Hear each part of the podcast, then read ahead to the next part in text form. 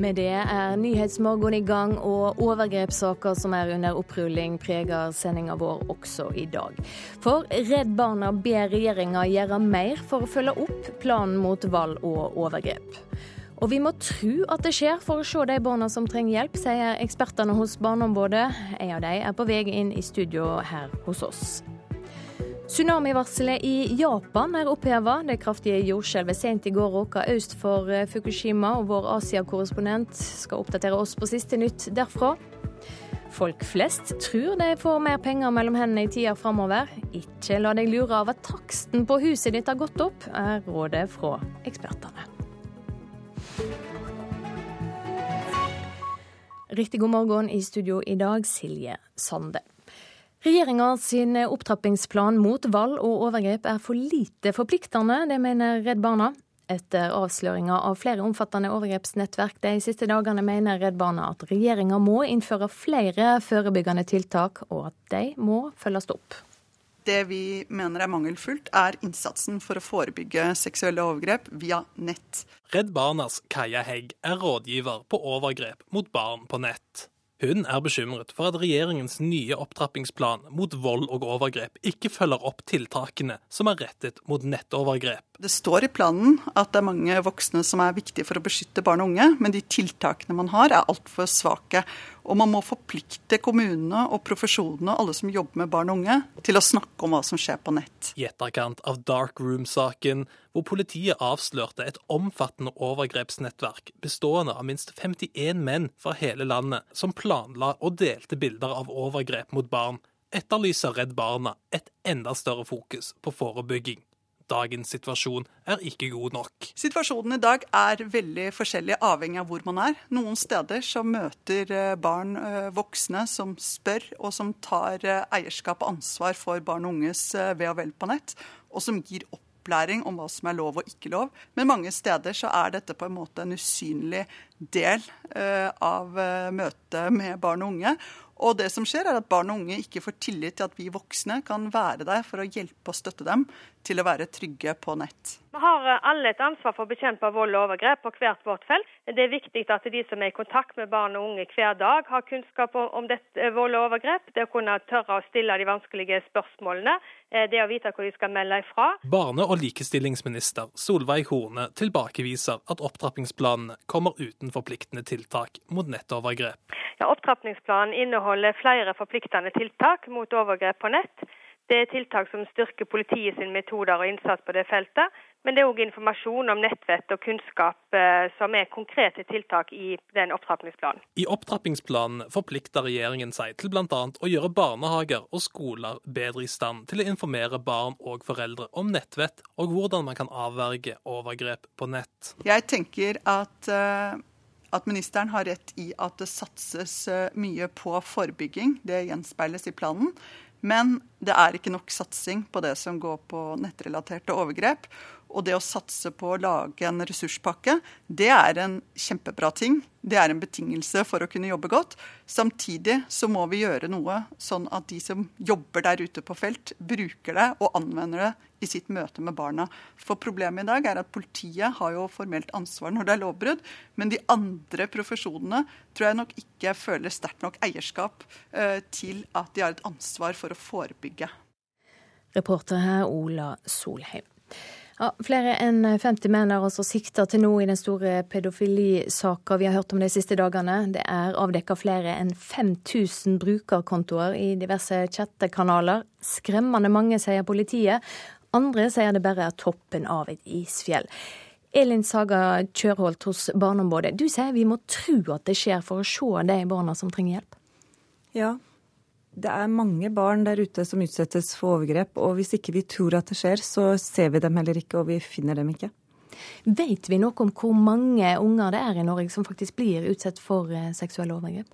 Ja, vi vet ganske mye om det. Det er gjort ganske mye forskning på det de siste årene. Og de tallene norske myndigheter bruker, ligger på et gjennomsnitt på rundt kanskje 5% Og da utgjør det ganske mange tusen barn i Norge som opplever å bli utsatt for overgrep hvert år. Så vi har kanskje alle noen i, rundt oss? Ja, Det tallet vil jo tilsi at eh, det er noen eh, på hver eneste skole, kanskje i hver eneste klasse. Det er noen i hver eneste barnehage. Og for de fleste av oss så vil det nok kunne være noen i ditt eget nærmiljø som opplever dette. Hvem er det som står bak eh, overgrepet? De fleste overgrep begås av noen som barnet kjenner. Det kan være onkelen eller broren eller moren eller fotballtreneren. Det, men også er det mer og mer som foregår på nettet, som vi har hørt i den saken fra fra Bergen, men fortsatt er det sånn at de fleste opplever overgrep fra en de kjenner. Kripos-kampanjen 'Ikke alle løgndommer skal holdes' er delt mange ganger på sosiale medier de siste dagene. Vi skal høre politibetjent Christian eh, Tangen. Barn kan komme med små hint. De kan teste, teste deg som voksen om du er i stand til å ta imot den informasjonen. De kommer ikke nå og sier at, de kommer ikke nødvendigvis sier at du, jeg har blitt utsatt for et seksuelt eller den og den gjør sånn og sånn med kroppen min. Men de kan komme med, med små drypp, um, og så ser de hvordan du reagerer. Og, og, da må du være åpen og spørrende og, og, ta, og, ta, det barnet på alvor. For barn forteller det som er sant. Det er, det er hovedregelen. Eh, at barn forteller det som er sant, og det er, det er slik vi møter dem òg. Ja, Elin Saga Kjørholt, hvordan skal vi fange opp de barna som eh, er offer her? Ja, Først og fremst så må vi tro at det skjer, da, for at vi skal klare å se dem. Og så må vi være åpne for barns eh, signaler. Endrer barnet atferd, så skal du kanskje følge spesielt godt med på det. Og det er som de fra Kripos sier her, at barnet kommer ikke plutselig bare og sier at eh, du, det er noen som utsetter meg for overgrep. Ofte mangler de språk på, til å forklare hva det er som foregår. De vet kanskje ikke at det som, som skjer er galt, fordi at den som utsetter dem for overgrep, har sagt at dette er er fint, og dette er vår hemmelighet. Så vi som voksne må være modige, og, og vi må være til stede der for barna. Og vi må vise at vi er villige til å høre på dem og ta imot det de sier. Og mange barn sier til oss at de kan ikke forvente at eh, de forteller eh, hvis ikke noen voksne spør. De må spørre hva er det som har skjedd med deg, hvordan har du det? Vi må være interesserte og modige. Men Dersom det er så mye av dette som aldri kommer fram i lyset, betyr det at politiet burde jobbe enda mer med denne typen saker? Ja, Nå ser vi jo fra denne saken hva man kan få til når man virkelig prioriterer sakene og setter inn innsats. Og Det er jo det Barneombudet har ønska seg i mange år. Og nå ser vi at uh, alle deler av politiet sier at de skal prioritere disse sakene mye høyere, og det er vi veldig, veldig glad for. Og så er det et Eh, straffesakskjeden er en viktig del, men det er mange andre deler som er vel så viktig for barnet i dette. Helt til slutt, Hva kan eh, samfunnet, politikerne, gjøre annerledes? Ja, Vi må vise at vi tar det på alvor, og så må vi prioritere å gi folk den kunnskapen og tryggheten de trenger for å, å se barna. Takk for at du kom hit til oss, Elin Saga Kjørholt fra Barneombudet.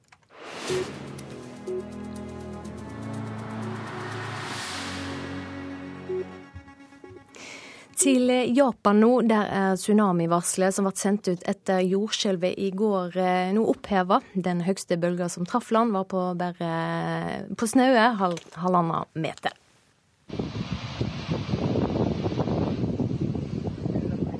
Det ble ikke store greiene som skylte inn over nordkysten av Japan. Den høyeste bølgen ble målt i Sendai-bukta og var på 1,4 meter. Derfor ble det heller ikke store skadene på bygninger og folk.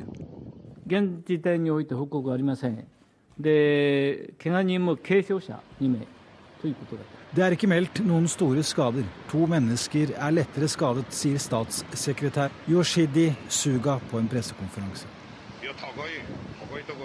På TV ble det sagt at folk måtte komme seg opp i høyden. En storskilt evakuering ble satt i verk etter jordskjelvet som målte 6,9. De verste rystelsene ble utløst utenfor kysten, øst for Fukushima-området, og atomkraftverket som ble ødelagt av den voldsomme tsunamien som rammet Japan etter et kraftig jordskjelv i 2011. Da ble hele landsbyer lagt i pinneved, og kjempebølgen kostet over 18 000 mennesker livet. Reporter Øyvind Nyborg. Videre til deg, Asia-korrespondent Peter Svaar i Beijing. Dette jordskjelvet kan eh, sette ny fart i debatten om Japan sin kjernekraftproduksjon. Hvorfor det?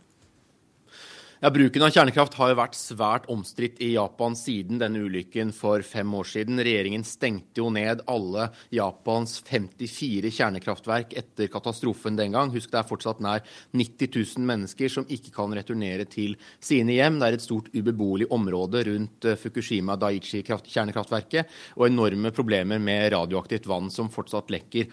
Bare for noen dager siden var det store demonstrasjoner mot å starte opp igjen et annet kjernekraftverk i Hamaoka. så denne nattens hendelser med nye skjelv, nye tsunamibølger, og det faktum at kjøleanlegget også denne gang ble slått ut i 90 minutter for et kjernekraftverk som heter Fukushima Daini, vil spisse denne debatten ytterligere nå.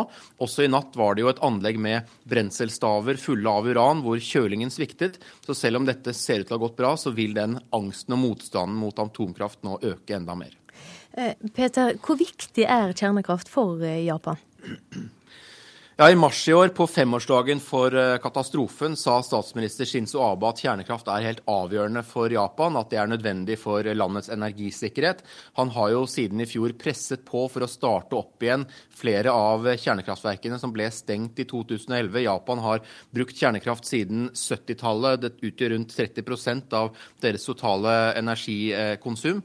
Eh, planer om å bygge nye kraftverk har blitt eh, droppet. Mange husker jo fortsatt denne frykten fra 2011 Eh, da man sto overfor den verste atomulykken siden Tsjernobyl. Og sikringsarbeidet rundt de tre reaktorene som smeltet i Fukushima, pågår jo fortsatt med fremdeles veldig store lekkasjer av radioaktivitet ut i området rundt. Hvor god var eh, tsunamivarslinga etter dette siste skjelvet? Ja, Slik det ser ut, så var den meget god. På japansk TV dukket det opp anslag over hvor og når disse bølgene skulle treffe med minuttpresisjon kort tid etter at skjelvet var et faktum.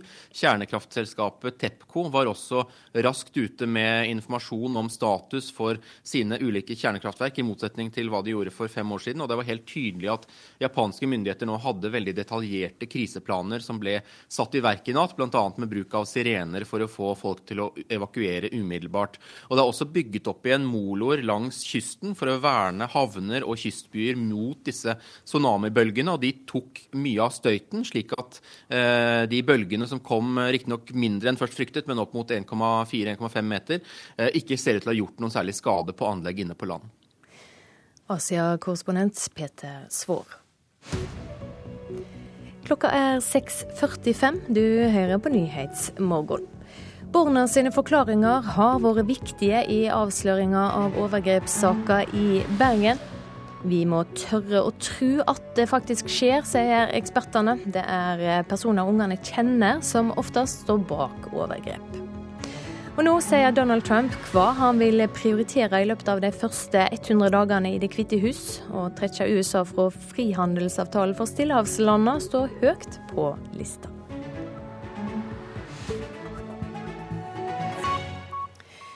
Så skal vi ha sjakk. Magnus Carlsen fikk svi for flere store tabber i det åttende VM-partiet i natt. Til slutt fant Sergej Karjakin et sylskarpt trekk og vant partiet. Og nå leier russeren med et helt poeng når det står igjen fire parti i sjakk-VM.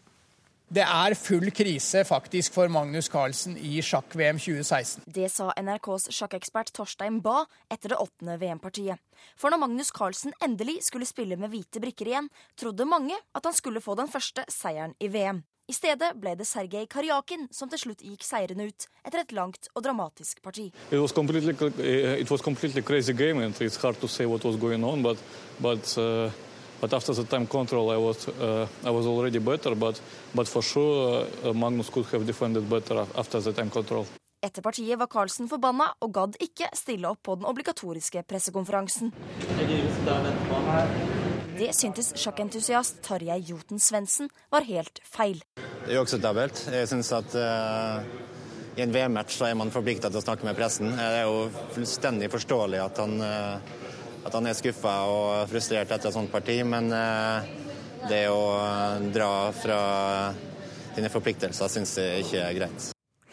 Ja, Magnus Carlsen risikerer ei bot på en halv million kroner etter at han forlet pressekonferansen etter partiet før eh, pressekonferansen i det hele tatt hadde starta. Reglene er klare, og de sier at eh, om en spiller ikke møter til pressekonferanse etter partiet, så skal de straffes med ei bot som tilsvarer 10 av premiepengene. Reporter her, det var Ida Moseng. Vi skal se på dagens avisframsider. Aftenposten skriver om en dømt overgriper som fikk grønt lys fra barnevernet for å flytte inn hos en barnefamilie. Barnevernet holdt tilbake informasjon om mannens fortid for mora. Nå er han dømt til 17 år i forvaring for overgrep mot den ni år gamle stedattera. Det har vært en dramatisk forverring av svevestøvnivået i Tromsø. Det kan tvinge fram dager med kjøreforbud, skriver Nordlys i dag. Mer mor Merkel er overskrifta i Dagsavisen. Trump truer i vest. Le Pen er på full fart fremover i Frankrike. Storbritannia er klare for brexit, og nå jubler alle liberale krefter for at Angela Merkel tar attvalg. Men eh, tyskerne sjølve er skeptiske. Dagbladet skriver om eh, pedofilisaker som ryster Norge. Etterforskerne i Dark Room-gruppa i Bergen har sendt fra seg bevismateriale til en rekke andre politidistrikt. Nå vokser saka andre steder. 2016 blir et rekordår for omsetning av dyre bosteder, ifølge Dagens Næringsliv. Avisa illustrerer saka med en villa på Bygdøy i Oslo til 68 millioner kroner.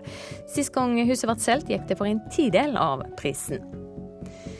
Kommisjonen som skal sikre de tvangsinnlagde pasientene sine retter, godkjente flere hundre lovbrudd, skriver VG. Avisa har fått innsyn i flere enn 2500 beltelegginger. Minst 640 er ulovlige eller sterkt problematiske, ifølge jurister.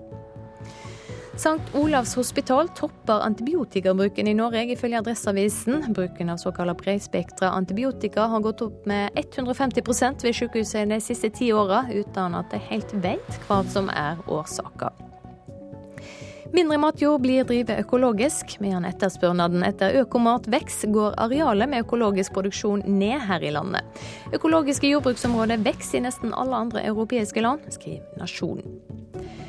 Klassekampen forteller om Oslo-byrådets løfte til yrkesfagelever. De innfører en garanti om læreplass, i første omgang innen bygg og anlegg og helse- og oppvekstfag. Vi har et enormt behov for fagarbeidere, sier utdanningsbyråd Tone Tellevik Dahl. De fleste tror nå at de får mer å rutte med i tida framover, ifølge en måling som er gjort for Finans Norge. At eh, forbrukertilliten har gått opp nesten et helt år, blir tolka som nok en stadfesting på at bunnen i norsk økonomi kan være nådd. Mange kjenner seg rikere fordi boligprisene har gått opp, men eh, det er ikke nødvendigvis så lurt, sier Idar eh, Kreutzer i Finans Norge. I de store byene, Oslo, Bergen, til dels Trondheim, så har det vært en sterk prisvekst. Og, dette fører nok til at man opplever at man har blitt rikere. Da vil vi understreke at boligpriser de går opp og ned, uh, og det er viktig å ikke uh, legge opp et forbruk basert på urealiserte gevinster på, på bolig. Det kan føre galt av, uh, galt av, sted. Og når folk blir spurt om hva de skal bruke pengene på, så er det ikke lenger oppussing eller sparing som står høyest i kurs, forteller administrerende direktør i Finans Norge, Idar Kreutzer. Vi ser at folk lenge har valgt å nedbetale på lånene sine. Eh, det ser ut til å snu. Nå er det flere som sier at eh, de ønsker å øke forbruket istedenfor å nedbetale på lån. Og i det Kreutzer ser det han syns er interessante vridninger i forbruksmønsteret. Ja, det er noen interessante tendenser. Eh, det er flere som vil kjøpe TV, lydanlegg, altså såkalte brunevarer. Det er flere som vil kjøpe ny bil. Og så er det mark markert færre som sier at de vil eh, pusse opp huset. Så det ser ut til å være vridninger i forbruksmønsteret. Fram til i år har oljepriskrakk og økt ledighet, spesielt på Sør-Vestlandet, ført til bekymring for at vi kunne være på vei inn i en ny økonomisk krise. Her er noen arkivkutt fra mellom 2013 og 2015. Vi har redusert fire, med fire tømrere på kontoret på Forus. Det er jo litt skremmende. Jeg vet det er en del som jeg kjenner som faktisk har blitt ferdig med studiet sitt, som faktisk ikke har fått jobb. Men nå stiger altså forbrukertilliten for tredje gang på rad, ifølge Forventningsbarometeret. Ja, det ser sånn ut. Vi hadde antydninger eh, for et par kvartaler siden. Det ble forsterket i forrige kvartal, og nå ser vi at forbrukertilliten i Norge fortsetter å stige. Det kan tyde på at de tiltakene som er iverksatt, begynner å, å virke, eh, og at folk opplever på kroppen en større forutsigbarhet nå enn de eh, opplevde tidligere sier Ida Kreutzer, administrerende direktør i Finans Norge. Elisabeth Holvik, som er sjeføkonom i Sparebank1, sier det er ikke så sikkert at optimismen kommer til å vare. Nei, Jeg ser jo at det går veldig seint med å få økt investeringen i fastlandsbedrifter. Eh, det som øker er jo eh, offentlig sektor, bygg og anlegg og mye byråkrati og tiltakspakker rundt innovasjon. Det representative utvalget i undersøkelsen ble spurt om synet på sin egen og landets økonomi før det ble kjent at Donald Trump blir president. Verken Holvik eller sjeføkonom i Svedbank, Harald Magnus Andreassen, tror det amerikanske valget kommer til å påvirke forbrukertilliten. Ja, nå er det først å si at forbrukertilliten har steget i tre kvartaler på rad nå men fortsatt ligger på et langt lavere nivå enn normalt, og tilsier egentlig ikke noe særlig vekst i forbruket. Nå tror jeg, Men det har gått riktig veien. Nå tror jeg ikke at valget av Trump på kort sikt fører til at folk revurderer verken sin egen økonomi eller landets økonomi. Det er først dersom det skulle komme med politiske utspill og, som virkelig skulle påvirke verdensøkonomien, at jeg tror det kommer til å påvirke folks forventninger om økonomien. Reporter Linda Reinholdsen. Kulturministeren vil løfte fram kulturlivets rolle i integreringa av flyktninger og innvandrere i hele Norden. Det skal skje gjennom formannskapet i Nordisk råd. Kulturlivet bidrar gjerne, og mener det skal gå an uten ekstra feite budsjettposter. I går møtte kulturen mannsterkt opp på møte med ministeren for å gi henne råd på veien. Jeg håper jo nå at jeg får virkelig de gode prosjektene som foregår rundt omkring lokalt i Norge, og som ikke hører om det daglig, som jeg kan løfte frem og gi til mine nordiske venner, som, som de også kan bruke. Da Linda Hofstad Helleland tiltrådte som kulturminister for snart ett år siden, var integrering noe av det hun snakket først og mest om. I høst har hun mottatt innspill fra rundt 60 kulturinstitusjoner, og i går møtte hun dem også ansikt til ansikt for å få gode råd om hvordan hun best kan legge til rette for å bruke kulturlivet i inkluderingsarbeidet. Og, kanskje overraskende, det handler ikke først og fremst om penger. Dette handler ikke om å få mer midler, det handler om faktisk å inkludere tankegangen i det som er kjernevirksomheten. For integrering må være normalen, mener Agnete Haaland, teatersjef ved Den nasjonale scene. Det er viktig at inkludering ikke er et nisjeprosjekt. Det er ikke noe vi holder på ved siden av å skape teater, ved siden av å være Den nasjonale scene. Det er en del av det å være oss. Med integreringssatsingen følger det nemlig lite ekstra penger fra kulturministeren. Heller ikke noen føringer på hva kulturlivet bør gjøre.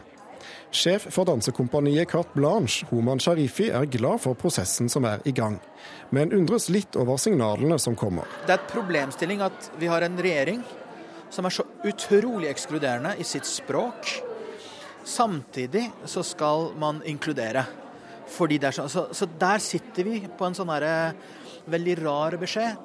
Men jeg mener at vi som institusjoner har en rolle og et ansvar for å skape best mulig samfunn. Og det tror jeg alle institusjoner tar med glede. Direktøren for Førdefestivalen, Hilde Bjørkum, er også opptatt av hvordan vi snakker om integrering. For heller ikke for henne er penger det viktigste. Språk er makt. Og vi trenger en ny retorikk, føler jeg, på, på dette feltet, som eh, som, som, som, danner opinion i folket, som vi kan sammen eh, gå og se de vanvittig flotte ressursene som ligger i de folka som kommer hit, våre nye landsmenn. Og en slik ressurs er Carte Blanche-sjefen et godt eksempel på. Han kom selv til Norge som mindreårig asylsøker, og er et resultat av det norsk kulturliv er i stand til å gjøre for folk. Kulturlivet har vært hele veien veldig inkluderende. Og jeg har vært bra til å rett og slett si hva har jeg å bidra. Så det er, igjen, det er en dobbeltsidig greiene. Hva kan jeg bidra? Og formulere det og tørre å gi det, og så har de vært villige til å ta den. Hvis vi kan eh, bidra til at eh, de som kommer hit får eh, en bedre hverdag og skape seg et bedre liv, og at vi får ta del i den ressursen som de bringer med seg, også fordi de er fra en annen kultur, så er det et godt nok mål i seg sjøl. Reporter her, det var Thomas Alverstein Ove. Så skal vi ha et eh, værvarsel, og det gjelder fram til midnatt. Austafjells først på dagen opp i liten kuling på kysten av Agder. Sørøst liten kuling utsatte steder i fjellet. Regn som snø i indre og høyere strøk. Fra i ettermiddag kan det bli enkelte sludd- eller regnbyger vest i Telemark og Agder, eller stort sett opphold. På Vestlandet sør for Stad starter dagen med østlig kuling. Opp i stiv kuling utsatte steder i Rogaland. Sludd og snø, regn i ytre og lågere strøk. Fra om formiddagen dreier vinden til sørlig opp i stiv kuling for Rogaland og Hordaland, og det blir eh, regnbyger. Sludd og snø i fjellet og utrygt for torevær. I Møre og Romsdal og Trøndelag er det venta lite vind, litt snø og sludd som regn i ytre strøk. Fra i kveld stort sett opphold i Trøndelag. Lite vind også i Nord-Norge. Litt snø i indre strøk av Helgeland og på Saltfjellet. Litt snø ifra sør på Finnmarksvidda og i Øst-Finnmark. Ellers skyer og spredde snøbyger, som regn i Nordland og på kysten i Troms.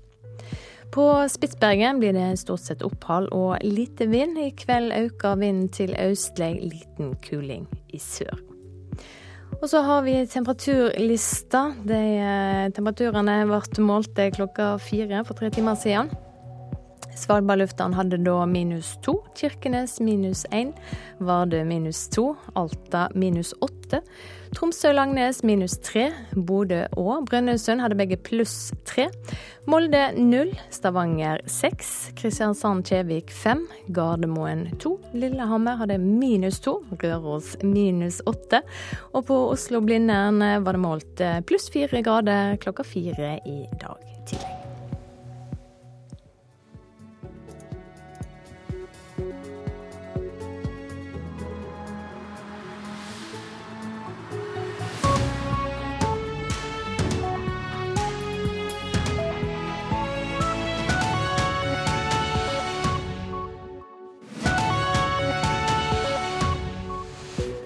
Her i Nyhetsmorgen skal vi høre mer om at avhøret av barna har vært avgjørende for opprullinga av overgrepssakene i Bergen.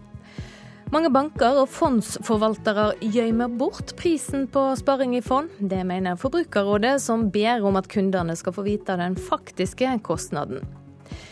Donald Trump har forretningsinteresser i minst 18 land utenfor USA. Nå blir det diskutert hvorfor interessekonflikter som kan oppstå pga. det.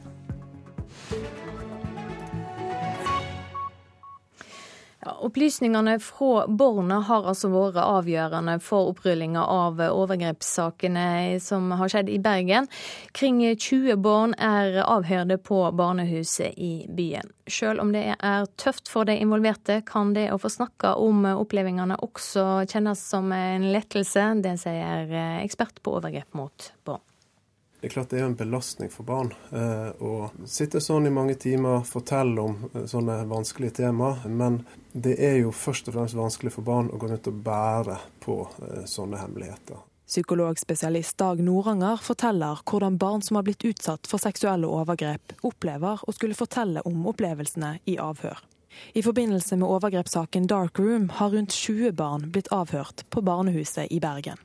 Å fortelle kan oppleves både som vanskelig og som en lettelse, mener Noranger. Husk på at Barn har gjerne ikke noe sammenligningsgrunnlag. Sant? De vet ikke helt på en måte hva som er normalt, hvordan det skal være, hva som er normalt i familie osv. Men de har gått rundt og kjent på mange vanskelige følelser. Og da å få bekreftelse på det her, at det her er noe som barn ikke skal utsettes for, det er jo først og fremst en, en befrielse. Opplysningene fra barna har vært avgjørende for politiets etterforskning.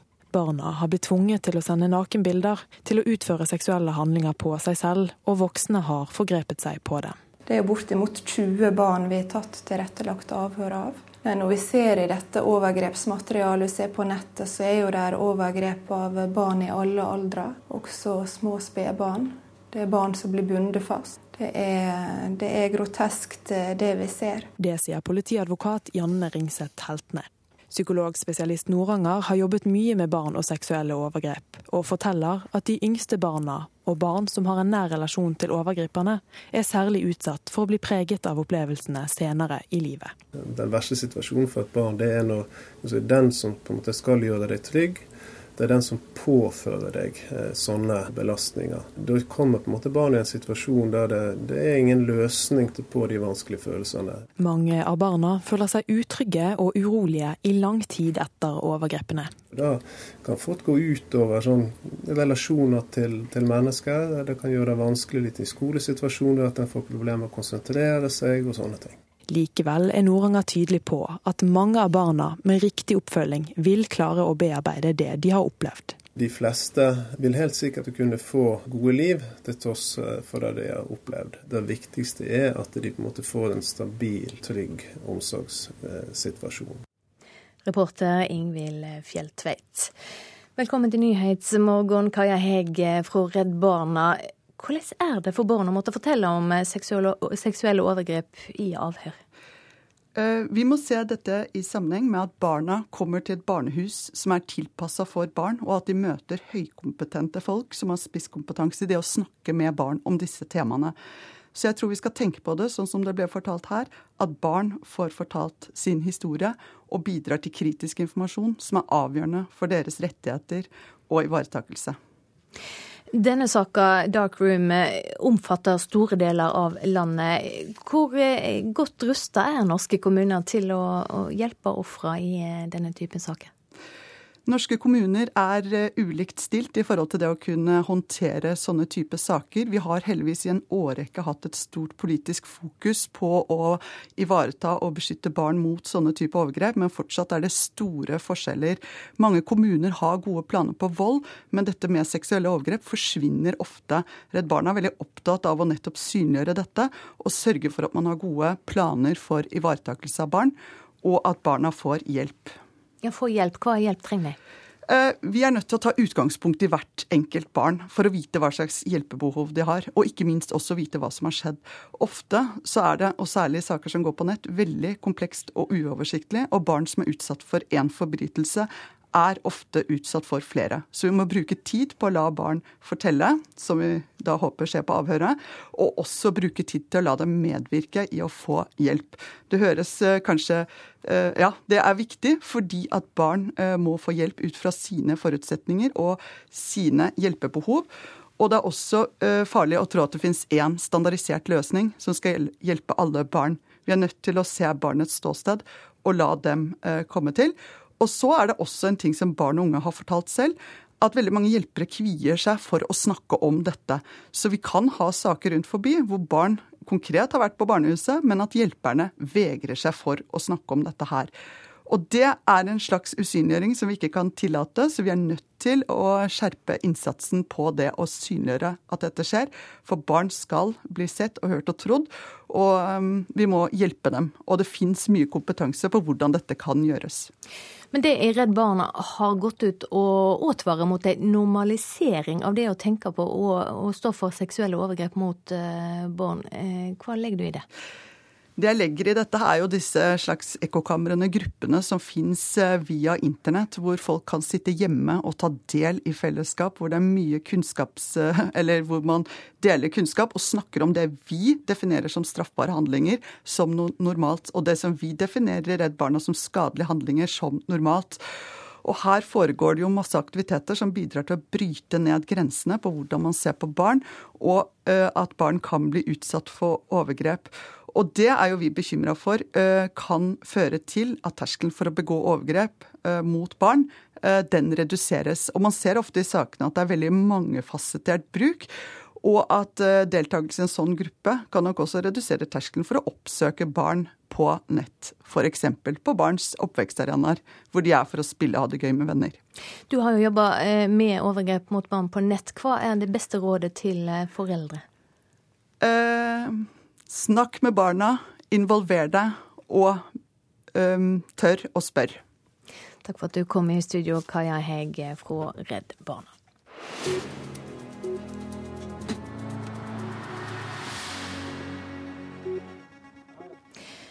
Skal vi høre at mange banker og fondsforvaltere eh, tåkelegger prisen på sparing i fond. Det mener Forbrukerrådet, som har sjekka nettsidene til de største bankene og fondsforvalterne og sett hvor tydelig prisen kommer fram.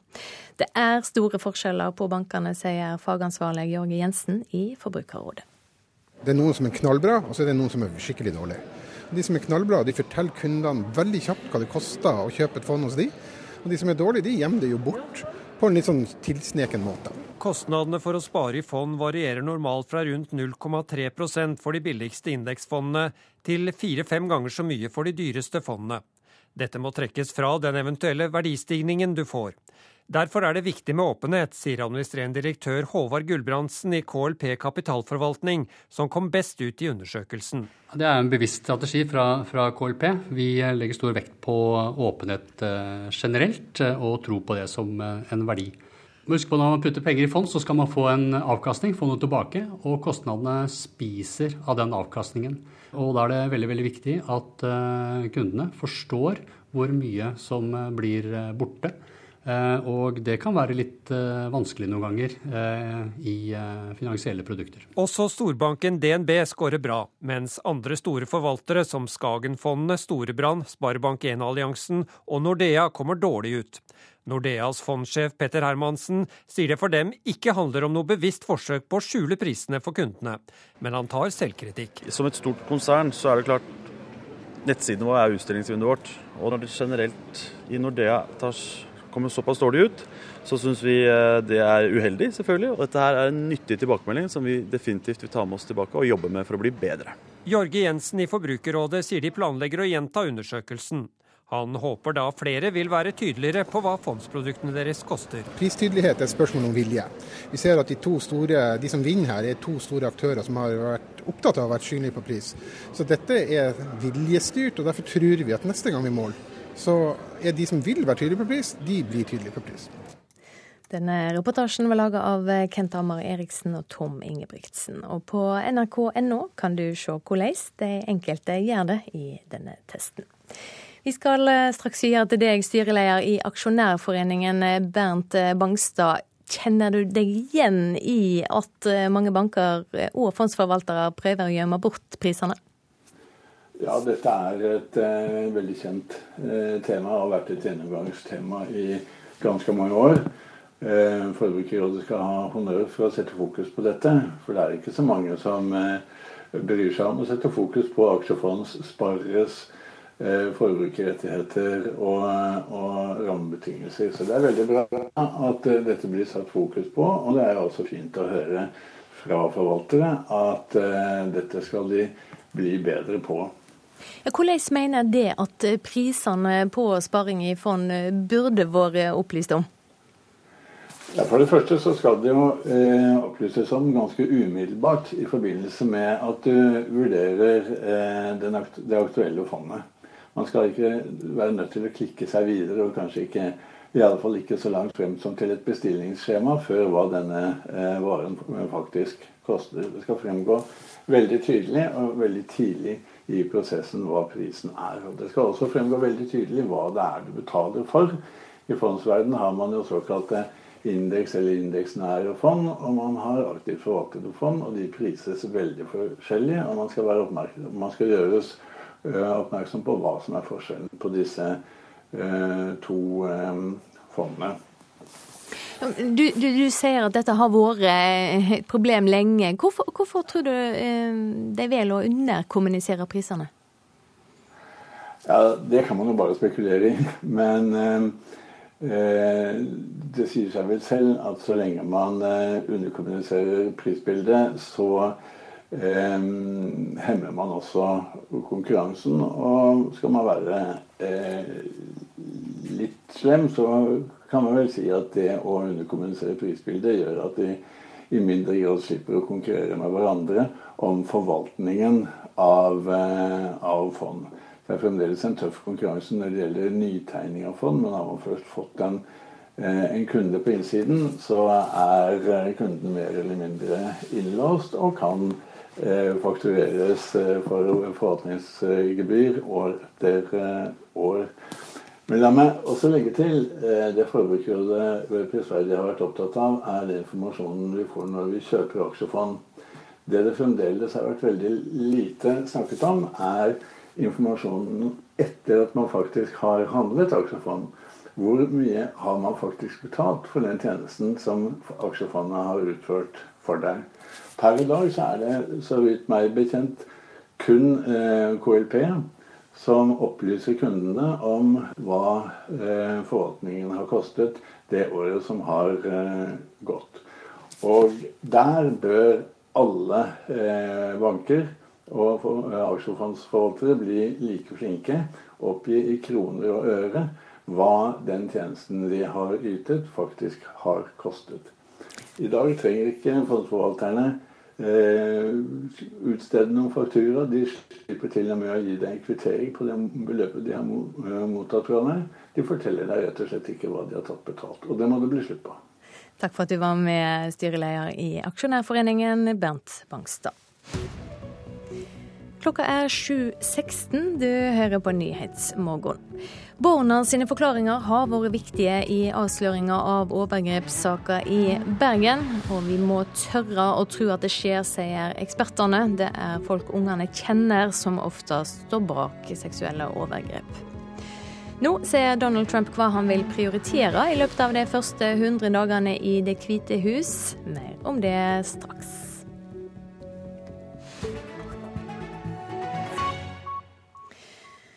Men først, eh, USAs påtroppende president har eh, forretningsinteresser i minst 18 land utenfor USA. Nå blir det diskutert hva interessekonflikter og habilitetsproblem det kan føre til.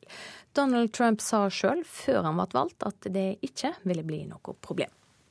If I become president, I couldn't care less about my company. It's peanuts. I have Ivanka and Eric and Don sitting there. Run the company, kids. Men så enkelt er det ikke, selv om presidenten er unntatt fra reglene som pålegger bl.a. regjeringsmedlemmer å overlate private investeringer, eiendom og aktiva til en såkalt blind forvalter for å unngå interessekonflikt. Likevel har USAs presidenter de siste 40 åra valgt å bruke enten en slik blindforvalter eller plassert sine aktiva i mange forskjellige fonds for å unngå konflikt. Men ingen har vært så rike som Trump, som eier rundt 500 selskaper, 111 av dem i utlandet, ifølge The Washington Post. Og Trump selv synes å være litt i villrede om hva en blind forvalter, eller blind trust, innebærer.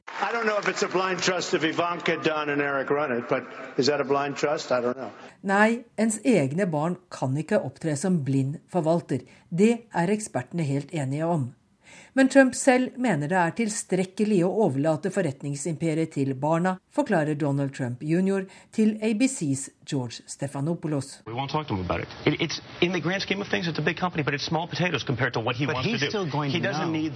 Vi vil ikke snakke med ham om det, det er bare småpoteter sammenlignet med å styre landet, forsikrer Donald jr. Igjen, så enkelt er det ikke. Ta forholdet til Tyrkia. Fra 2014 til nå har Trump mottatt 10 millioner dollar fra en tyrkisk hotellkjede for at den skal kunne bruke Trump-navnet på to luksushoteller i Istanbul. Hotellene eies av et selskap som også driver det stort i olje og i medier, og opptrer som en støttespiller for den tyrkiske regjeringen. Trump har også hotellinteresser i Aserbajdsjan, og landets autoritære president Ilham Aliyev var en av de første til å gratulere Trump med seieren. Så sent som i august 2015 kjøpte Trump seg inn i åtte selskaper knyttet til hotelldrift i Saudi-Arabia. Alt ifølge The Washington Post. Dette er kunnskap presidenten har, også om barna skulle overta daglig drift. Og selv om presidenten er unntatt fra de fleste regler som skal hindre interessekonflikt, kan han etterforskes for å ha mottatt gaver fra andre stater eller fra utenlandske selskaper. Alle avtaler som barna måtte inngå i utlandet, vil derfor bli gransket med lupe, og hver gang Trump uttaler seg positivt om f.eks. Tyrkia, vil det bli reist spørsmål om habilitet. I think he's in a very unusual situation. He, uh, he would basically put his children out of work. If, uh, and they'd have to go start a whole new business. Trumps nære venn og støttespiller Rudy Giuliani er engstelig for at salg av eiendom vil gjøre barna arbeidsløse. Den påtroppende presidenten kommer nok neppe til å selge, og pengelense blir barna ikke noe fall. Groholm, Washington. Og eh, Donald Trump sa i en fjernsynstale i går kveld at han vil trekke USA ut fra frihandelsavtalen for stillehavslandene i løpet av de første 100 dagene han er president. Men næringsminister Monica Mæland sier det er for tidlig å slå fast at handelsavtalen mellom EU og USA, også kjent som TTIP, er eh, død. Mange har spådd at eh, Trump som president i USA ville bety kroken på døra for TTIP, i og med at Trump har eh, vist at han er svært skeptisk til frihandelsavtaler. Det står igjen å se, sier Mæland jeg velger å være avventende. Vi vet at valgkampretorikk og retorikk etter et eh, valg kan være to forskjellige ting. Men enn så lenge, også pga. de valgene man skal ha i både Tyskland og i Frankrike, så får vi konstatere at eh, TTIP nå er satt på vent. Den kontroversielle handelsavtalen Transatlantic Trade and Investment Partnership, også kjent som TTIP, har vært under forhandling mellom EU og USA i over tre år, men nå ser den foreløpig ut til å være lagt på is på ubestemt tid. USAs påtroppende president Donald Trump har nemlig brukt store deler av valgkampen på å hamre løs på den nordamerikanske frihandelsavtalen NAFTA og stillehavsavtalen TPP. It's a horror show. It's going to kill all our jobs. It's going to be almost as bad as NAFTA, maybe worse. Flere analytikere på begge sider av Atlanteren tar det nærmest for gitt at heller ikke TTIP vil bli møtt med særlig velvilje fra den påtroppende presidenten. Før helgen uttalte da også Tysklands forbundskansler Angela Merkel at TTIP ikke vil bli ferdigforhandlet nå, og på sosiale medier feiret TTIP-motstandere som om avtalen var død og begravet. Litt vel tidlig, mener næringsminister Monica Mæland. Jeg tror vi skal være uh, forsiktige med å spekulere og bare konstatere at akkurat nå står den på vent. Hvorvidt uh, disse forhandlingene kan tas opp igjen, det uh, vil jo tiden vise. Norske myndigheter har i flere år jobbet med å kartlegge mulige konsekvenser for Norge dersom EU og USA skulle bli enige om en handelsmessig supermotorvei dem imellom. Deler av TTIP kan komme Norges vei via EØS-avtalen, og norske fiskeeksportører er blant dem som kan få tøffere konkurranseforhold dersom avtalen blir en realitet. Senterpartiet er blant dem som er svært kritiske til TTIP. Stortingsrepresentant Geir Pollestad tør imidlertid ikke regne med at Trump skroter avtalen når han etter hvert tar over som president. Jeg vil ikke konkludert uh, før den tid uh, kommer. Denne avtalen eh, vil ha store konsekvenser eh, for Norge. Eh, og Da er det i norsk interesse at vi jobber beinhardt videre med å skaffe oss oversikt over hva som ligger igjen, og hvordan, gjøre, og hvordan Norge kan forholde seg til om det skulle bli en TTIP-avtale. Reporter Halvard Norum. Så dagens dagens avisframsider. Aftenposten skriver om en dømt overgriper som fikk grønt lys fra barnevernet for å flytte inn hos en barnefamilie. Barnevernet holdt tilbake informasjon om mannens fortid for mora. Nå er han dømt til 17 års forvaring for overgrep mot den ni år gamle stedattera. Dagbladet skriver om pedofilisaker som ryster Norge. Etterforskerne i Dark Room-gruppa i Bergen har sendt for seg bevismateriale til en rekke andre politidistrikt. Nå vokser saka andre steder. Det har vært en dramatisk forverring av svevestøvnivået i Tromsø. Det kan tvinge fram dager med kjøreforbud, skriver Nordlys i dag. Mer mor Merkel er overskrifta i Dagsavisen. Trump truer i vest. Le Pen er på full fart framover i Frankrike. Storbritannia er klare for brexit. Nå jubler alle liberale krefter for at Angela Merkel tar attvalg, men tyskerne sjølve er skeptiske. 2016 blir et rekordår for omsetning av dyre bosteder, ifølge Dagens Næringsliv. Avisa illustrerer saka med en villa på Bygdøy i Oslo til 68 millioner kroner. Sist gang huset ble solgt, gikk det for en tidel av prisen. Kommisjonen som skal sikre de tvangsinnlagde pasientene sine retter, godkjente flere hundre lovbrudd, skriver VG. Avisa har fått innsyn i flere enn 2500 beltelegginger. Minst 640 er ulovlige eller sterkt problematiske, mener jurister. St. Olavs hospital topper antibiotikabruken i Norge. Ifølge Adresseavisen bruken av såkalla breispektra antibiotika har gått opp med 150% ved sykehuset de siste ti åra, uten at de helt vet hva som er årsaka.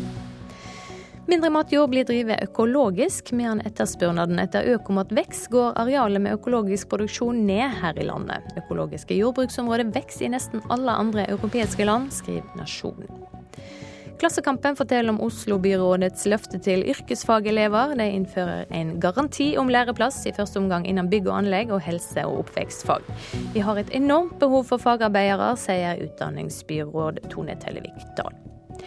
Og nå kommer klagene på designbarn, det skriver Vårt Land. Fire danske foreldrepar har saksøkt den store danske sædbanken Nordic Cryobank. Ungene de fikk hadde en genfeil og er blitt bærere av en alvorlig sykdom. Stortingspolitiker Ove Trellevik er i tvil om politidirektøren bør handsame varslersaker fra politiet i Bergen. Han får støtte fra Kjersti Toppe, som også sitter på Stortinget. Det er en slags latterliggjøring av varsleren og saka hans, sier hun til Bergens Tidende.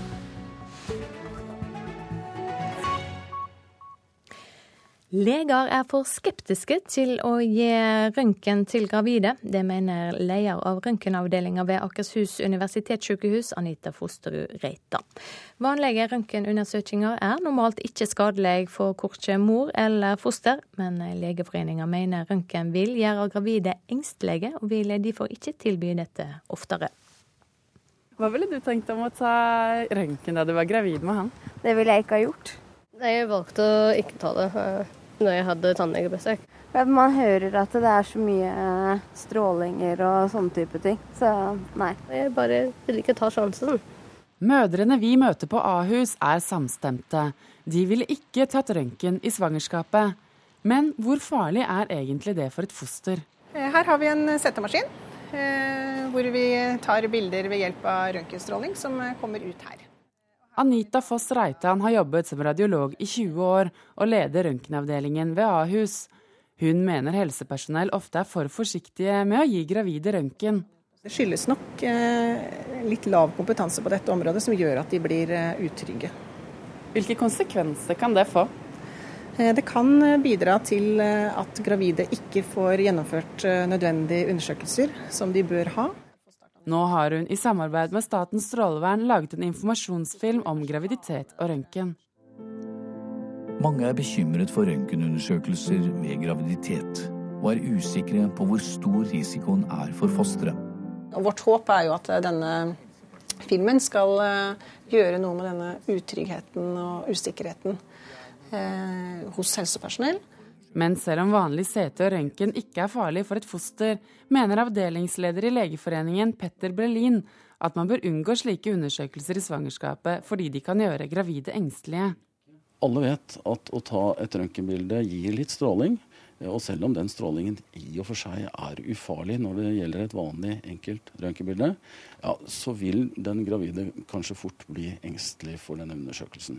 Derfor er det lurt å holde eh, disse undersøkelsene på et veldig lavt nivå. Er man litt ekstra på vakt når man er gravid, eller hvordan er det? Ja, jeg tror det. det er, man må jo liksom passe på, da. Reporter her Ingvild Balsersen Sund. I dag ble det sett ny snørekord i Tromsø, eller kanskje mangel på snørekord. Ikke noen gang siden målingene starta har snøen kommet til ishavsbyen så seint. Den førre rekorden var fra 21.11.1944, ifølge værvarslinga for Nord-Norge i Tromsø. I reportasjen etter Dagsnytts hovedsending skal vi til en liten tyrkisk kystby, der det har bodd grekere i 3000 år. Nå er det bare 40 igjen. Produsent for Nyhetsmorgen i dag, Anne Jetlund Hansen. Her i studio, Silje Sande.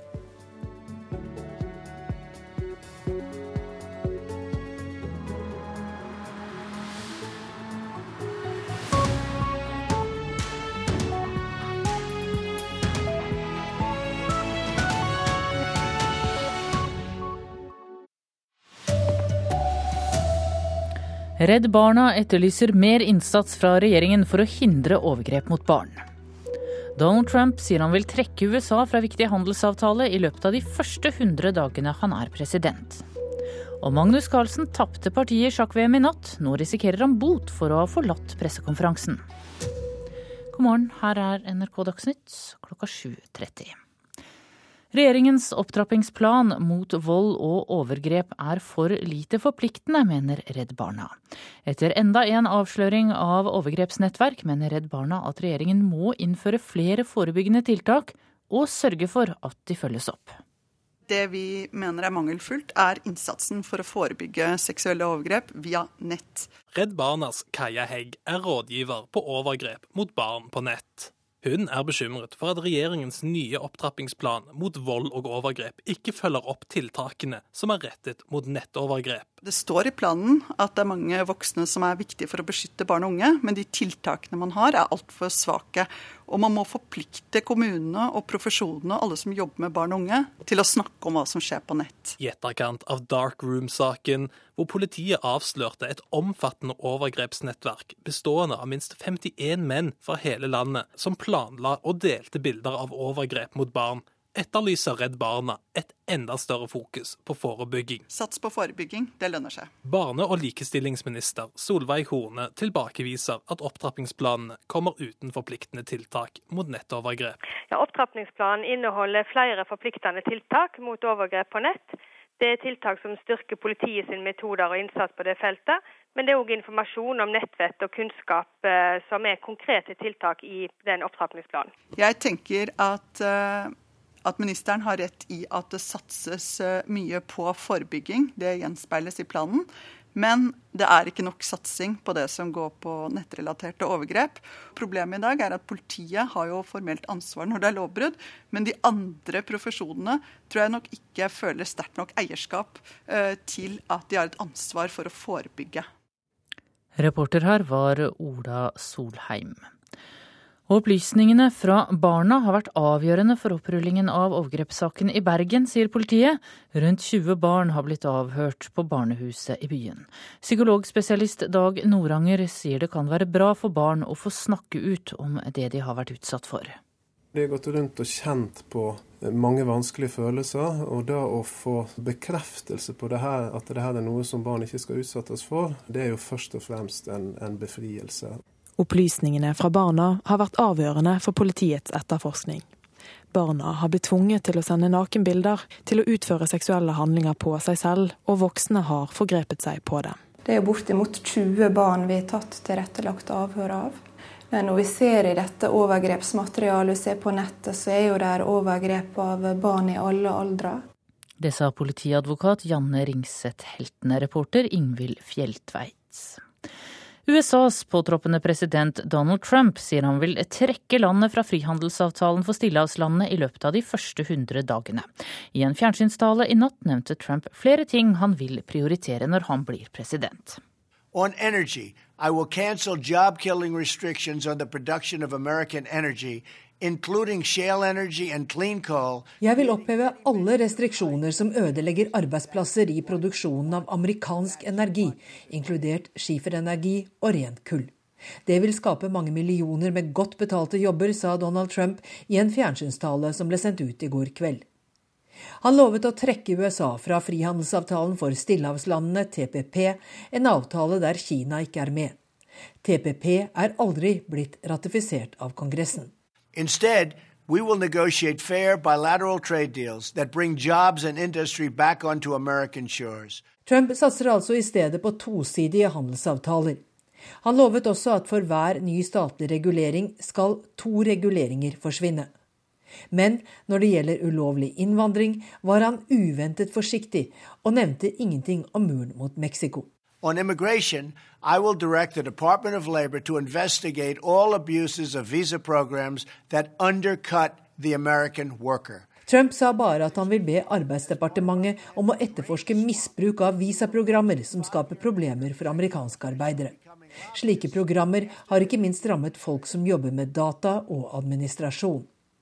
For personer i ledende offentlige stillinger i Washington DC vil han innføre livstidsforbud mot å drive lobbyvirksomhet for utenlandske regjeringer. Groholm, Washington. De fleste i Norge tror nå at de får mer å rutte med fremover, ifølge en undersøkelse gjort for Finans Norge. Og når folk blir spurt om hva de skal bruke pengene på, er det ikke lenger oppussing eller sparing som står høyest i kurs. Det forteller administrerende direktør i Finans Norge, Idar Kreutzer. Nå er det flere som sier at de ønsker å øke forbruket istedenfor å nedbetale på lån. Og Ida Kreutzer ser det han syns er interessante vridninger i forbruksmønsteret. Det er flere som vil kjøpe TV, lydanlegg, altså såkalte brunevarer. Det er flere som vil kjøpe ny bil. Og så er det markert færre som sier at de vil pusse opp huset. Fram til i år har oljepriskrakk og økt ledighet, spesielt på Sør-Vestlandet, ført til bekymring for at vi kunne være på vei inn i en ny økonomisk krise. Her er noen arkivkutt fra mellom 2013 og 2015. Vi har redusert fire, med fire tømrere på kontoret på Forus. Det er jo litt skremmende. Jeg vet det er en del som jeg kjenner som faktisk har blitt ferdig med studiet sitt, som faktisk ikke har fått jobb. Men nå stiger altså forbrukertilliten for tredje gang på rad, ifølge Forventningsbarometeret. Det kan tyde på at de tiltakene som er iverksatt, begynner å, å virke, og at folk opplever på kroppen en større forutsigbarhet nå enn de opplevde tidligere. Sier Ida Kreutzer, administrerende direktør i Finans Norge. Elisabeth Holvik, som er sjeføkonom i Sparebank1, sier det er ikke så sikkert at optimismen kommer til å vare. Nei, Jeg ser jo at det går veldig seint med å få økt investeringen i fastlandsbedrifter. Det som øker er jo offentlig sektor, bygg og anlegg. Og mye byråkrati og tiltakspakker rundt innovasjon. Reporter i dette innslaget var Linda Reinholdsen. Mange banker og fondsforvaltere tåkelegger prisen på sparing i fond. Det mener Forbrukerrådet. Det er store forskjeller på bankene, sier fagansvarlig Jorge Jensen. Det er noen som er knallbra, og så er det noen som er skikkelig dårlige. De som er knallbra, de forteller kundene veldig kjapt hva det koster å kjøpe et fond hos de. Og de som er dårlige, de gjemmer det jo bort på en litt sånn tilsneken måte. Kostnadene for å spare i fond varierer normalt fra rundt 0,3% for de billigste indeksfondene til fire-fem ganger så mye for de dyreste fondene. Derfor er det viktig med åpenhet, sier administrerende direktør Håvard Gulbrandsen i KLP kapitalforvaltning, som kom best ut i undersøkelsen. Husk på Når man putter penger i fond, så skal man få en avkastning, få noe tilbake. Og kostnadene spiser av den avkastningen. Og Da er det veldig veldig viktig at kundene forstår hvor mye som blir borte. Også storbanken DNB skårer bra, mens andre store forvaltere som Skagenfondene, Storebrand, Sparebank1-alliansen og Nordea kommer dårlig ut. Nordeas fondsjef Petter Hermansen sier det for dem ikke handler om noe bevisst forsøk på å skjule prisene for kundene, men han tar selvkritikk. Når Nordea kommer såpass dårlig ut, så syns vi det er uheldig, selvfølgelig. Og dette her er en nyttig tilbakemelding som vi definitivt vil ta med oss tilbake og jobbe med for å bli bedre. Og på nrk.no kan du se hvordan de forskjellige scorer i testen. Reportere var Kent Amar Eriksen og Tom Ingebrigtsen. Magnus Carlsen tapte det åttende partiet i sjakk-VM i natt. Nå leder Sergej Karjakin med et helt poeng, når det bare gjenstår fire partier. Det er full krise faktisk for Magnus Carlsen i sjakk-VM 2016. Det sa NRKs sjakkekspert Torstein Bae etter det åttende VM-partiet. For når Magnus Carlsen endelig skulle spille med hvite brikker igjen, trodde mange at han skulle få den første seieren i VM. I stedet ble det Sergej Karjakin som til slutt gikk seirende ut etter et langt og dramatisk parti. It was completely, it was completely crazy game and it's hard to say what was going on, but, but uh... But after the time control, I was uh, I was already better. But but for sure, uh, Magnus could have defended better after the time control. Etter partiet var Carlsen forbanna og gadd ikke stille opp på den obligatoriske pressekonferansen. Det syntes sjakkentusiast Tarjei Joten Svendsen var helt feil. Det er uakseptabelt. Jeg synes at uh, i en VM-match så er man forplikta til å snakke med pressen. Det er jo fullstendig forståelig at han uh, at han er skuffa og frustrert etter et sånt parti, men det å dra fra sine forpliktelser syns jeg ikke er greit. Ja, og Carlsen kan få en halv million kroner i bot etter at han gikk fra pressekonferansen. Reporter her var Ida Moseng. Ansvarlig for Dagsnytt i dag, Sven Gullvåg. I studio, Tone Nordahl.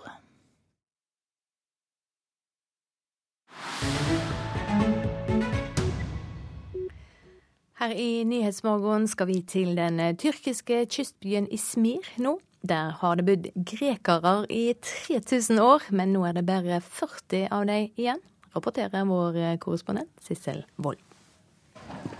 So this here used to be a Greek neighborhood.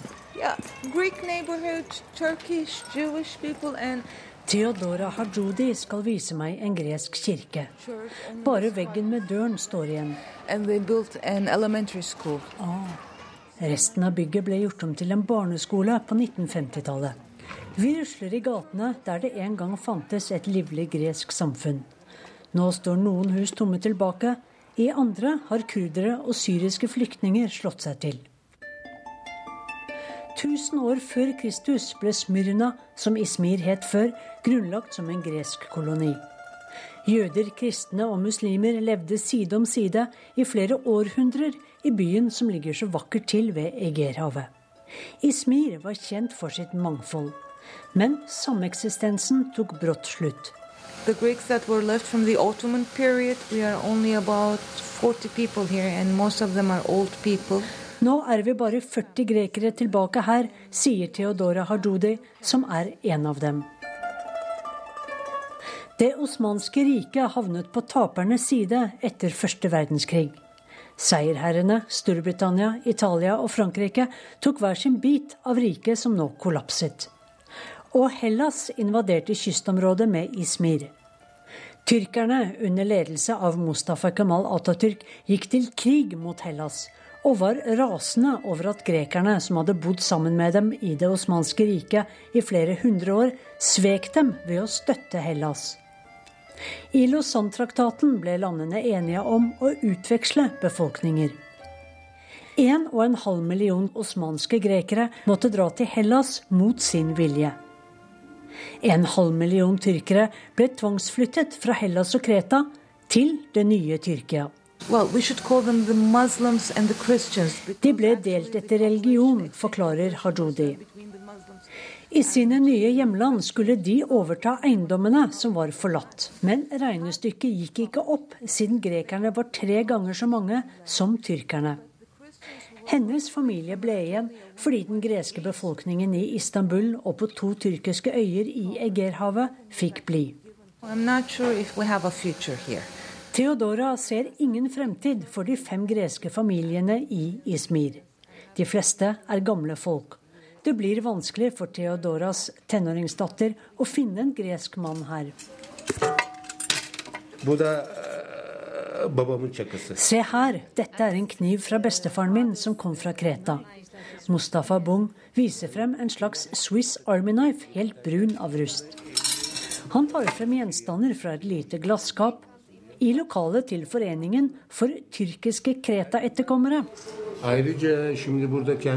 besteforeldrene mine kom hit, kunne de ikke noe om landet her. Ikke språket heller. De var gresktalende muslimer fra Kreta og Hellas. De savnet alltid Kreta, men de måtte dø her mens de lengtet hjem. Men hvorfor skjedde dette, spør jeg. Hvem har skylden? Grekere og tyrkere hadde ingen problemer med hverandre. Men det var nasjonalismen som kom i veien, sier Mustafa Bung. Det er politikken og kapitalismen som ikke lar folk leve sammen. Og nasjonalismen, legger Theodora til. Nasjonalismen er alltid et veldig stort problem, og det vil være et problem i fremtiden future too. Klokka tikker mot 7.45 og Politisk kvarter viktige saker i dagens Nyhetsmorgen. Barna sine forklaringer har vært viktige avsløringer av overgrepssaker i Bergen. Vi må tørre å tro at det skjer, sier ekspertene. Det er folk ungene kjenner som ofte står bak overgrep. Nå sier Donald Trump hva han vil prioritere i løpet av de første 100 dagene i Det hvite hus. Så trekke USA fra frihandelsavtalen for stillehavslandene står høyt, høyt på lista. Likevel er det for tidlig å avlyse TTIP, handelsavtalen mellom EU og USA, sier næringsministeren. Og Magnus Carlsen tapte partiet i sjakk-VM i natt. Nå risikerer han bot for å ha gått fra pressekonferansen. Håvard Grønli er programleder for dagens Politiske kvarter.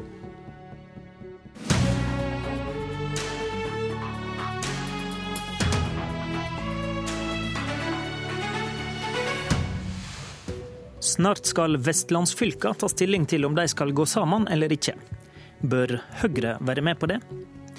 Og Senterpartipolitikere i Drammen er tilknytta ekstremt tyrkisk parti. Kan vi akseptere det? Det siste fra statsbudsjettforhandlingene er etter det NRK forstår at statsminister Erna Solberg forsøker å få både regjeringspartner Frp og støttepartiet Venstre til å forlate sine absolutte krav i den fastlåste striden om bilpakka. Etter et møte i statsministerbostaden i går kveld fortsatte det med møte mellom Høyre og Frp i Stortinget utover natta. I påvente av avklaringene tar vi for oss andre viktige saker i Politisk kvarter. Og Ingenting er jo viktigere enn Vestlandet, vil noen mene.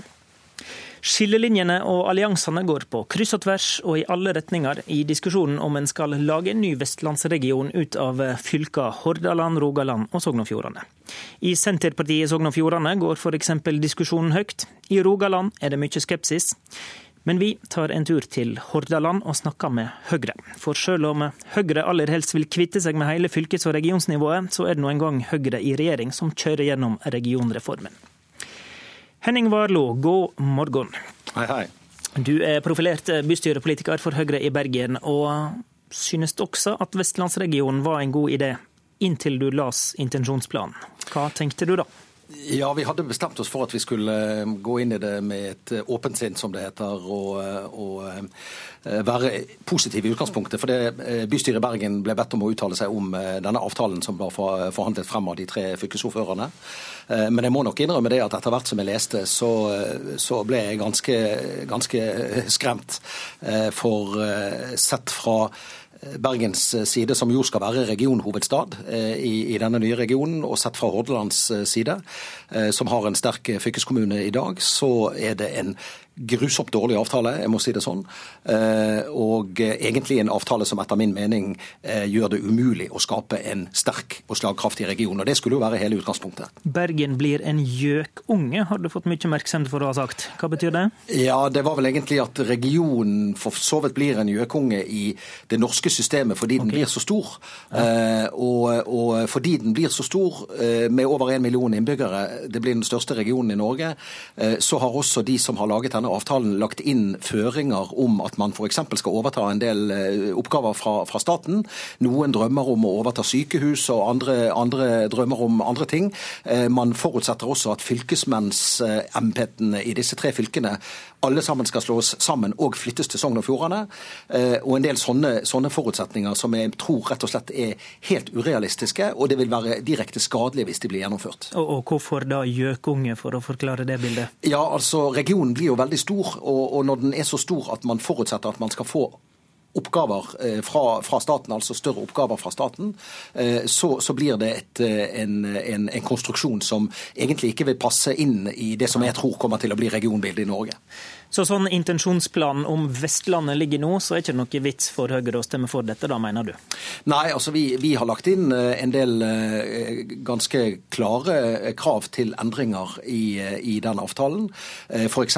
At, at arbeidsplasser og, og, funksjoner må fordeles jevnere utover. Ikke at alt sammen legges til andre steder enn Bergen. Og at, at regionen f.eks. kan være parlamentarisk styrt. At regionen må ha klare ambisjoner eh, for å spille en viktig rolle internasjonalt også. Dette er jo en region som har et eh, stort eh, internasjonalt rettet næringsliv. Det er to store byer i denne regionen som har vært europeiske kulturbyer. Ingenting av dette er nevnt i det hele tatt, og tydeligvis ikke tillagt.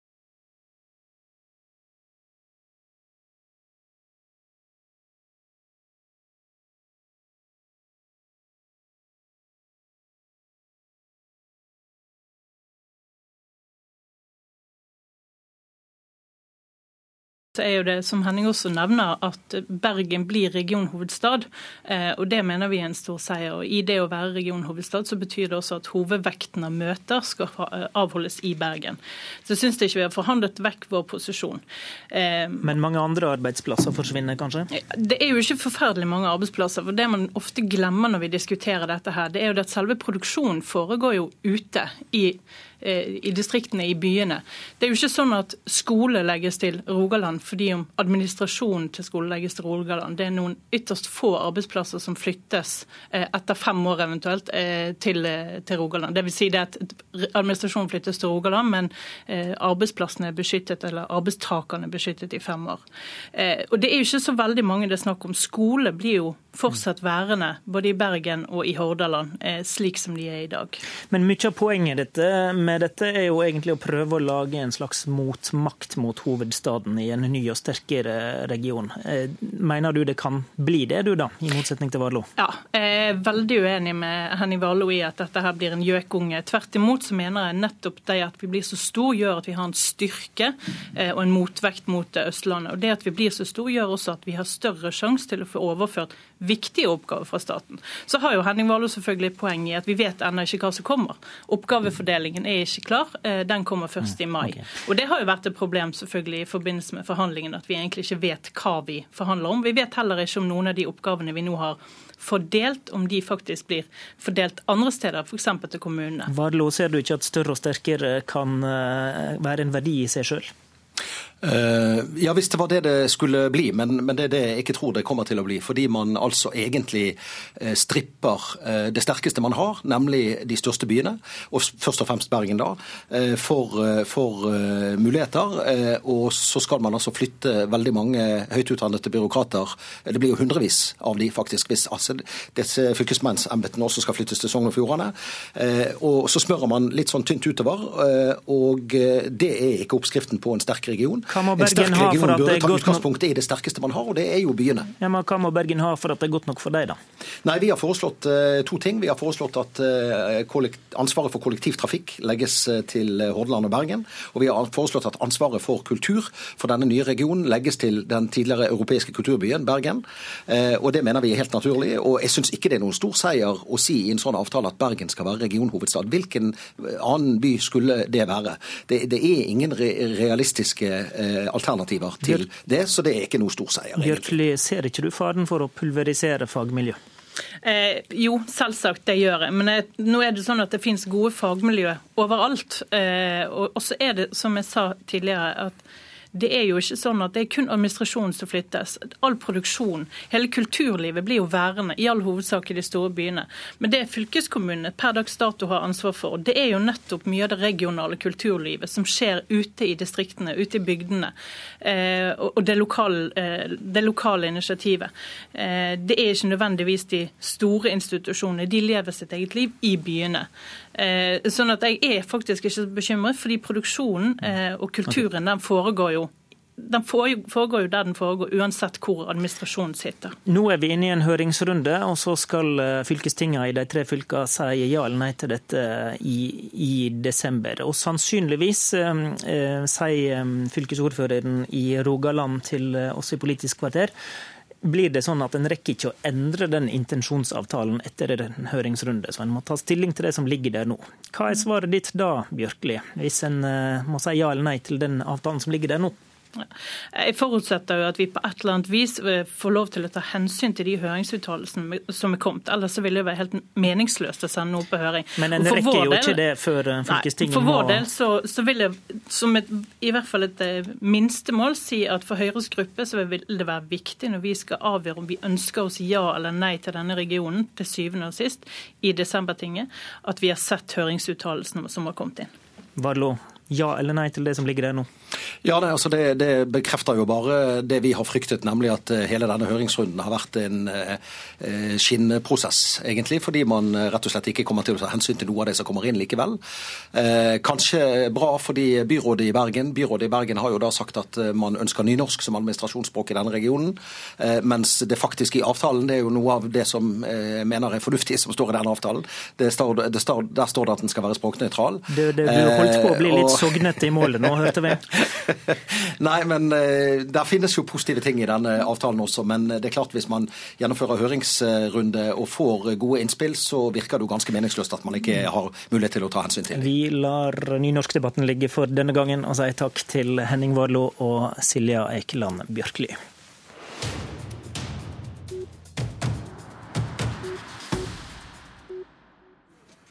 I Drammen har det den siste tida kommet fram at nestlederen i Drammen Senterparti og en ungdomspolitiker i samme parti har tilknytning til det ekstreme tyrkiske nasjonalistiske partiet MHP og en organisasjon som blir kalt De grå ulvene. Røsla har etablert seg i Drammen gjennom ei kulturforening i byen. Dette har det kommet fram gjennom Drammens Tidende og gjennom Human Rights Service sin nettavis. MHP og Ulvane blir eh, omtalt som både rasistisk og fascistisk, og med ei voldelig forhistorie. Knut M. Olsen, generalsekretær i Senterpartiet. Hva vet dere om hva som er fakta her nå? Det er vanskelig å si om alle fakta, for det verserer mye rykter, eh, sjølsagt. Og, og, man kan lese mye på internett. Men eh, så langt vi har brakt på det rene, så så er jo dette et ultranasjonalistisk parti eh, som mente at eh, regjeringspartiet Tyrkia var for lite nasjonalistiske. Eh, og eh, bærer preg også av en ungdomsorganisasjon som har rykte for å være militante. Og de er jo også svært kritiske til eh, kurderne i Tyrkia. Og de er eh, også for gjeninnføring av dødsstraff. Og hva, dere, og hva, har dere, sagt til eh, de to politikerne i ditt parti? Det vi har sagt er at det er uforenlig da mm. å være aktive i dette partiet eh, samtidig som, og i denne organisasjonen samtidig som man er eh, med i Senterpartiet. Så vi har eh, gitt klar beskjed om at her må de ta et valg. Enten å eh, være med det ene eller det andre. Det er ikke forenlig å være begge deler. Så det er egentlig en trussel om eksklusjon, da? Det vi sier er at eh, det, de må ta, gå ut av det ene for å kunne være med i det andre. ja. Samtidig så har en kunnet lese i Drammenspressa i går at eh, et ganske tverrpolitisk kobbel av norsk-tyrkiske politikere fra SV til Høyre ikke ser noe problematisk ved dette MHP, som trass i ei voldelig og fascistisk fortid har utvikla seg i fredeligere retning og er representert i det tyrkiske parlamentet. Eh, hvorfor skal en norsk partiorganisasjon som din dra denne grensa en annen sted enn de som kjenner landet sitt? Vi er nok eh, opptatt av at eh, folk som stemmer på Senterpartiet, folk som har tillitsforhold til oss, skal være, ikke være i tvil om hva vi står som, som parti. Og vi føler at vår ideologi ikke er overens med ideologien som dette partiet står for. Og det er jo Senest i sommer så gikk de f.eks. da tydelig inn for å gjennomføre dødsstraff i Tyrkia. Men hvor strenge generelt da bør en være overfor innvandrere i en sak som det her? Eh, det kan jo bli kanskje litt problematisk dersom et politisk engasjement eh, tilknyttet konteksten i heimlandet skal diskvalifisere for engasjement her i landet? Det bør ikke diskvalifisere, men det må være på de premissene som de partiene de engasjerer seg inn i, i dette partiet står for. Når du, det, når du sier enten-eller, så diskvalifiserer det jo. Jo, men eh, hvis de vil være aktive hos oss, så må de stå for det vi står for. Eh, og det er viktig for oss. Eh, og da må de stå for vår ideologi fullt og helt, og ikke at det kan bli reist tvil om det. Ok, Hvor drar vi den uh, grensa, da? Eller hvor syns du en bør dra den grensa? Du har nevnt dødsstraff her nå. er det? Ja, Nei, det er summen. Dette blir selvfølgelig en vurderingssak i hvert enkelt tilfelle. Og det vil jo være summen av forskjellige ting. Men vi vet f.eks. at det er kurdiske miljøer også i Drammensdistriktet. Eh, så det er viktig at vi er i hvert fall tydelige fra vår side hva som er viktig for oss som parti, hvis man skal være både folkevalgt og tillitsvalgt hos oss. Vet du uh, hvor involvert eh, disse to Senterpartipolitikerne har vært i denne rørsla? Det vi vet er at de har vært veldig aktive på sosiale medier eh, og har vært med på å opprette sosiale medier eh, for denne gruppa. Og lagt til rette for diskusjoner på nettet for gruppene. Er det nok til å si enten eller? Det er en del av bildet som, som de har vært veldig tydelige inne i. Da sier vi takk for at du kom hit til eh, Politisk kvarter. Knut M. Olsen, generalsekretær i eh, Senterpartiet. Et, eh, for ordens skyld, vi har prøvd å få tak i den nestlederen i Drammen Senterparti som det er snakk om her. Han har ikke svart på NRK sine henvendelser. Sylvi Listhaug får ofte Facebook til å koke. I går engasjerte skuespiller Kristoffer Jone de som ville ta til motmæle mot Listhaugs politikk. På Facebook ba han folk sende penger til Norsk organisasjon for asylsøkere i Listhaugs navn. Det fungerte overmåte, men det var drevet fram av et reklamebyrå. Generalsekretæren i NOAS, Ann Margrit Austenå, kommer til Kulturnytt, som kommer rett etter oss. og Der blir det også debatt om LOs millionstøtte til Dagsavisen og Klassekampen. I Politisk kvarterstudio, Håvard Grønli.